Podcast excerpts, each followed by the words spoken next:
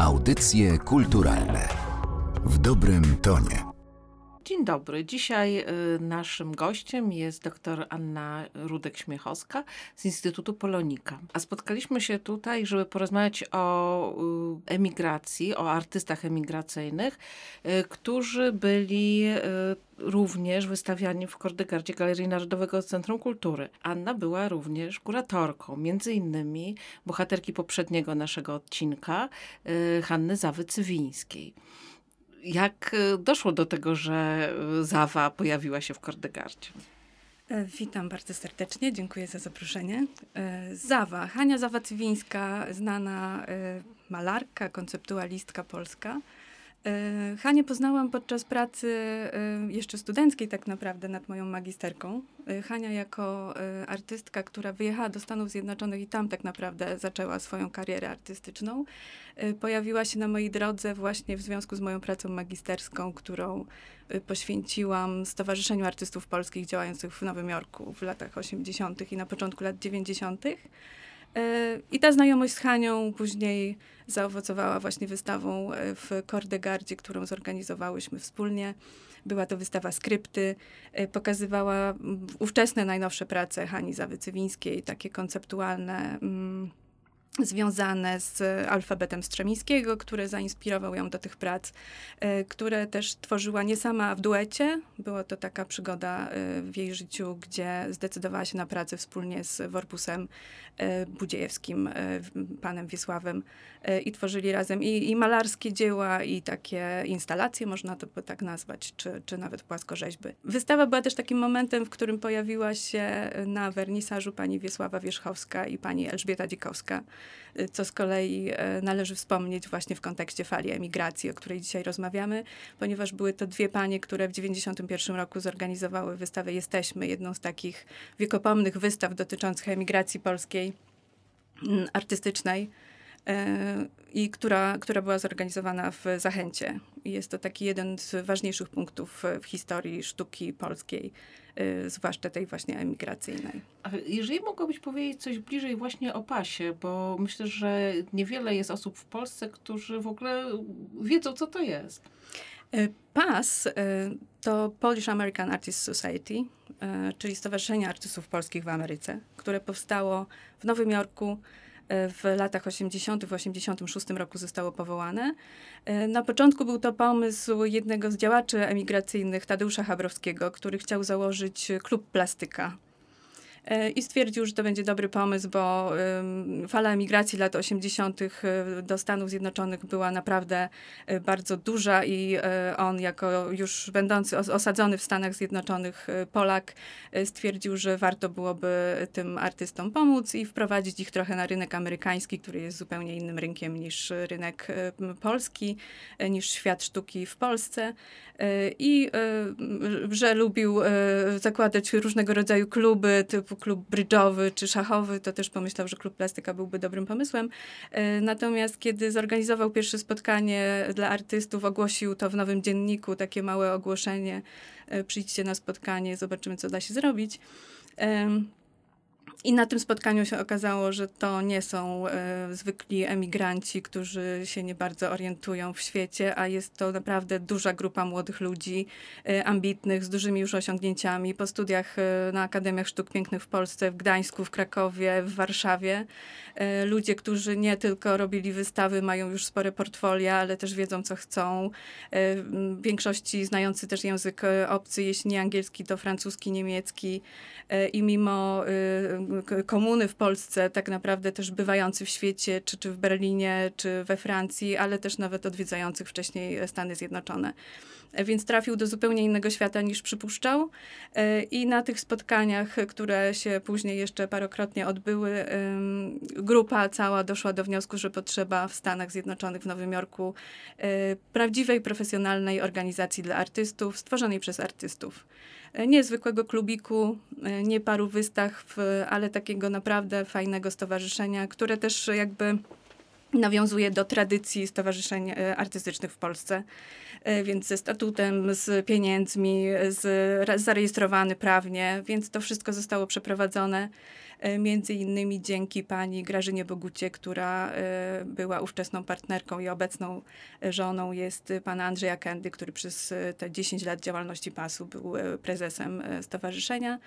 Ona znając angielski, mając też osadzenie w Nowym Jorku, potrafiła różnego rodzaju i formalności załatwiać, i lokal, który użyczyło Stowarzyszeniu, Stowarzyszenie Weteranów Armii Polskiej w Nowym Jorku. Mały, niewielki, ale w, na Manhattanie, więc było to naprawdę duże osiągnięcie dla tych młodych ludzi, którzy przyjechali z Polski w latach 80. i znaleźli się tak naprawdę w zupełnie innych realiach niż te, które znali z Polski. To chyba był też dobry czas, prawda? Było duże zainteresowanie Polską. To jest po stanie wojennym, prawda? Po, po Solidarności. Wtedy Ameryka była otwarta na e, artystów z Polski. Tak, tu musimy wspomnieć o tej fali emigracji właśnie końca lat 70., y, którą zatrzymała w Stanach Zjednoczonych, zatrzymał stan wojenny 81 roku. Y, bardzo wiele osób, które przybyły właśnie na koniec lat 70. czy, czy w roku 80 do Stanów Zjednoczonych, to byli młodzi ludzie, młodzi artyści, jak Krzysztof Zacharow, który przyjechał po prostu zarobić pieniądze i wrócić z powrotem do Krakowa, do, do swoich znajomych, rodziny i, i do tych studenckich swoich y, czasów. E, natomiast wybuchł stan wojenny w 1981 roku, gdy on już planował, że, że w grudniu czy na początku stycznia będzie wracał do Polski e, i to zostało całkiem zablokowane. E, więc stwierdził, że dostał sygnały, tak jak też Andrzej Kenda, który od rodziców dostał sygnał przez znajomych, nie wracaj na razie, bo nie wiadomo, co w Polsce będzie, bo będzie wojna i postanowił rozejrzeć się w Nowym Jorku, zobaczyć, czy da się tak naprawdę zacząć tutaj życie, przynajmniej na chwilę. I bardzo wiele z tych osób pozostało po prostu w, w Nowym Jorku, w Stanach Zjednoczonych. Tam zaczęli sobie układać życie i stwierdzili, że to jest, to jest ich miejsce na świecie.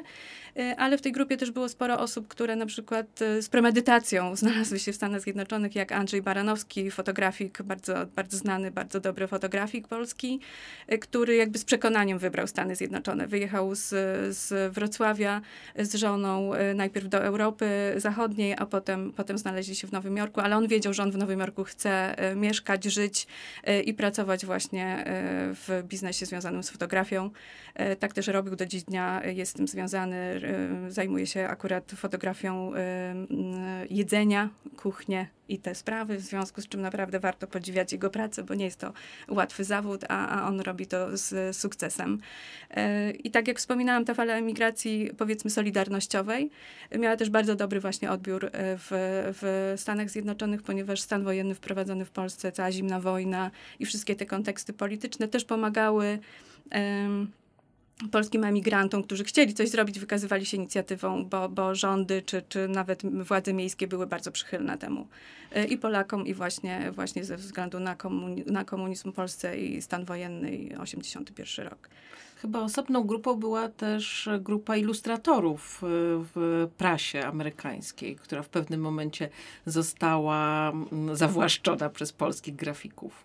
E, tak, dokładnie. Byli nawet nazywani polską mafią, ponieważ tych nazwisk, e, zwłaszcza związanych z The New York Timesem, e, było naprawdę sporo. E, I tutaj też nawiązując do Kordegardy, mieliśmy okazję pokazywać prace wprawdzie współczesne, ale Janusza Kapusty, jednego z bardziej znanych e, polskich e, ilustratorów, czy grafików raczej powinnam powiedzieć, na świecie, ponieważ Janusz też wyjeżdżając w 1981 roku do Stanów Zjednoczonych, dzięki też wcześniejszym kontaktom Polaków związanym z redakcją New York Timesa, został przez New York Times zatrudniony i był jednym, chyba nawet jedynym, można powiedzieć, który wykonał najwięcej e, rysunków do, do, do tej gazety.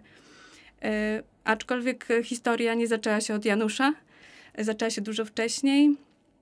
E, też amerykańscy edytorzy e, z New York Timesa jakby znali się, e, znali to środowisko grafików, nie tylko amerykańskich czy z Europy Zachodniej, ale też mieli mimo zimnej wojny czy niedocierania pewnych wiadomości na zewnątrz z Polski, mieli bardzo duży ogląd sytuacji.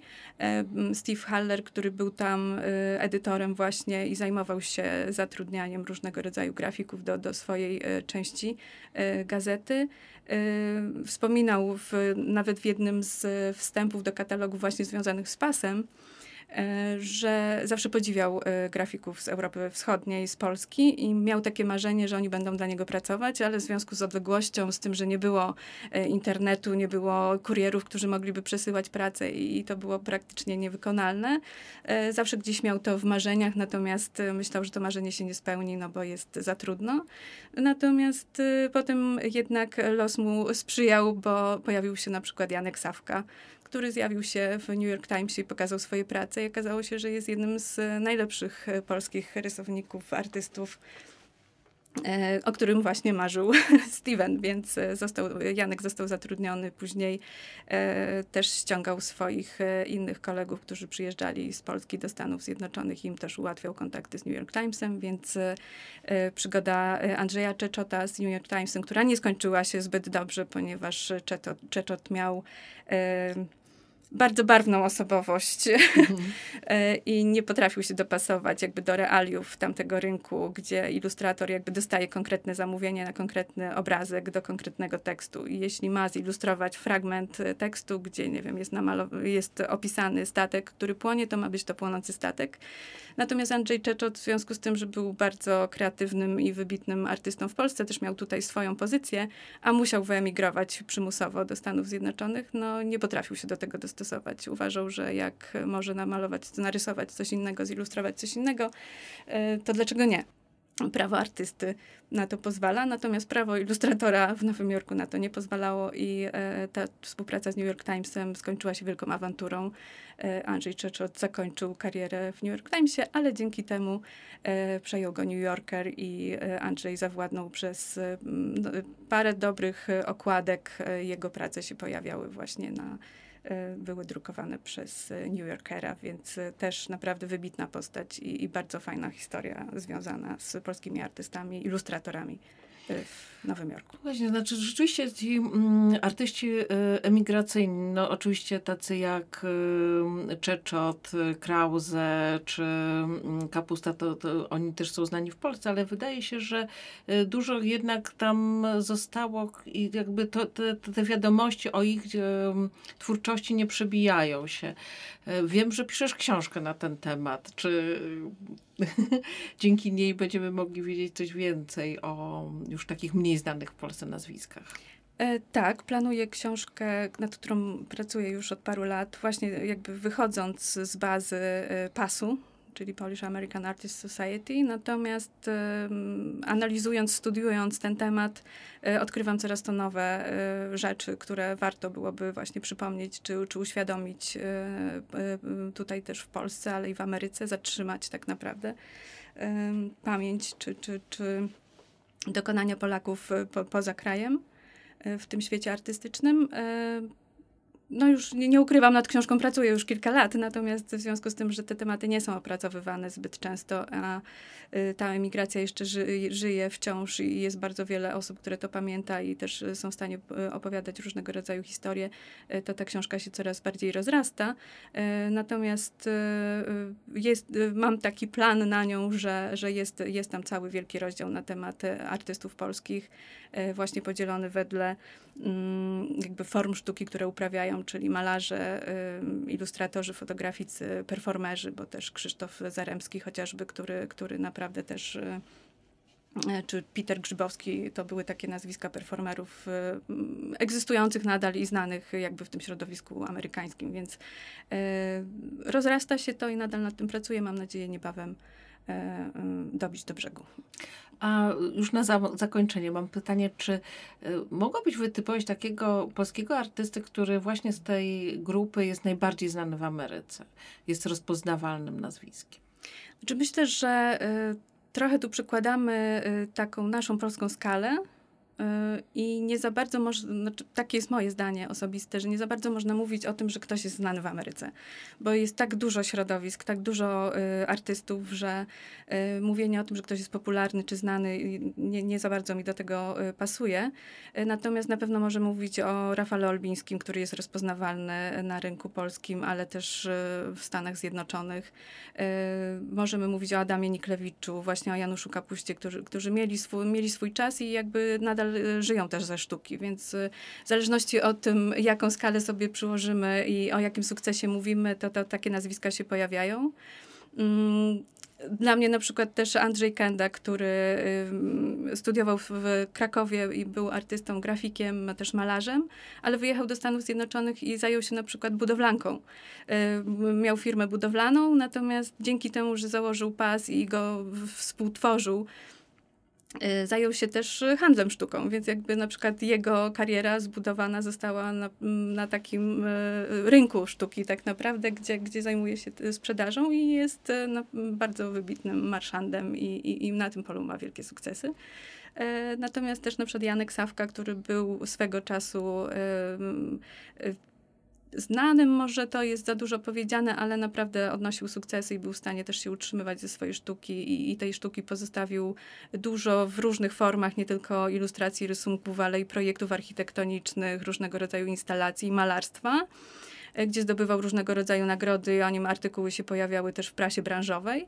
Możemy uznać, że jest to wielki sukces i, i uznać go za artystę znanego, natomiast e, już po śmierci y, nastąpiła pewna taka dziura w jego, w jego rozpoznawalności, natomiast teraz rodzina, y, jego córka Hania Sawka pracuje nad tym, żeby, żeby utrzymać tą spuściznę po ojcu i ją propagować, więc robi na przykład wystawy w Stanach Zjednoczonych nie w bibliotekach, nie w małych jakichś galeryjkach, ale, ale stara się robić to w muzeach, w, też w ośrodkach y, akademickich. Y, rozpoczyna też jakieś prace nad konferencjami, spotkaniami itd. Tak Więc to jest bardzo duża praca, żeby y, tych artystów utrzymać w pamięci. Dziękuję bardzo za rozmowę. Dzisiaj naszą, naszym gościem była dr Anna Rudek-Śmiechowska z Instytutu Polonika. Dziękuję bardzo. Audycje kulturalne w dobrym tonie.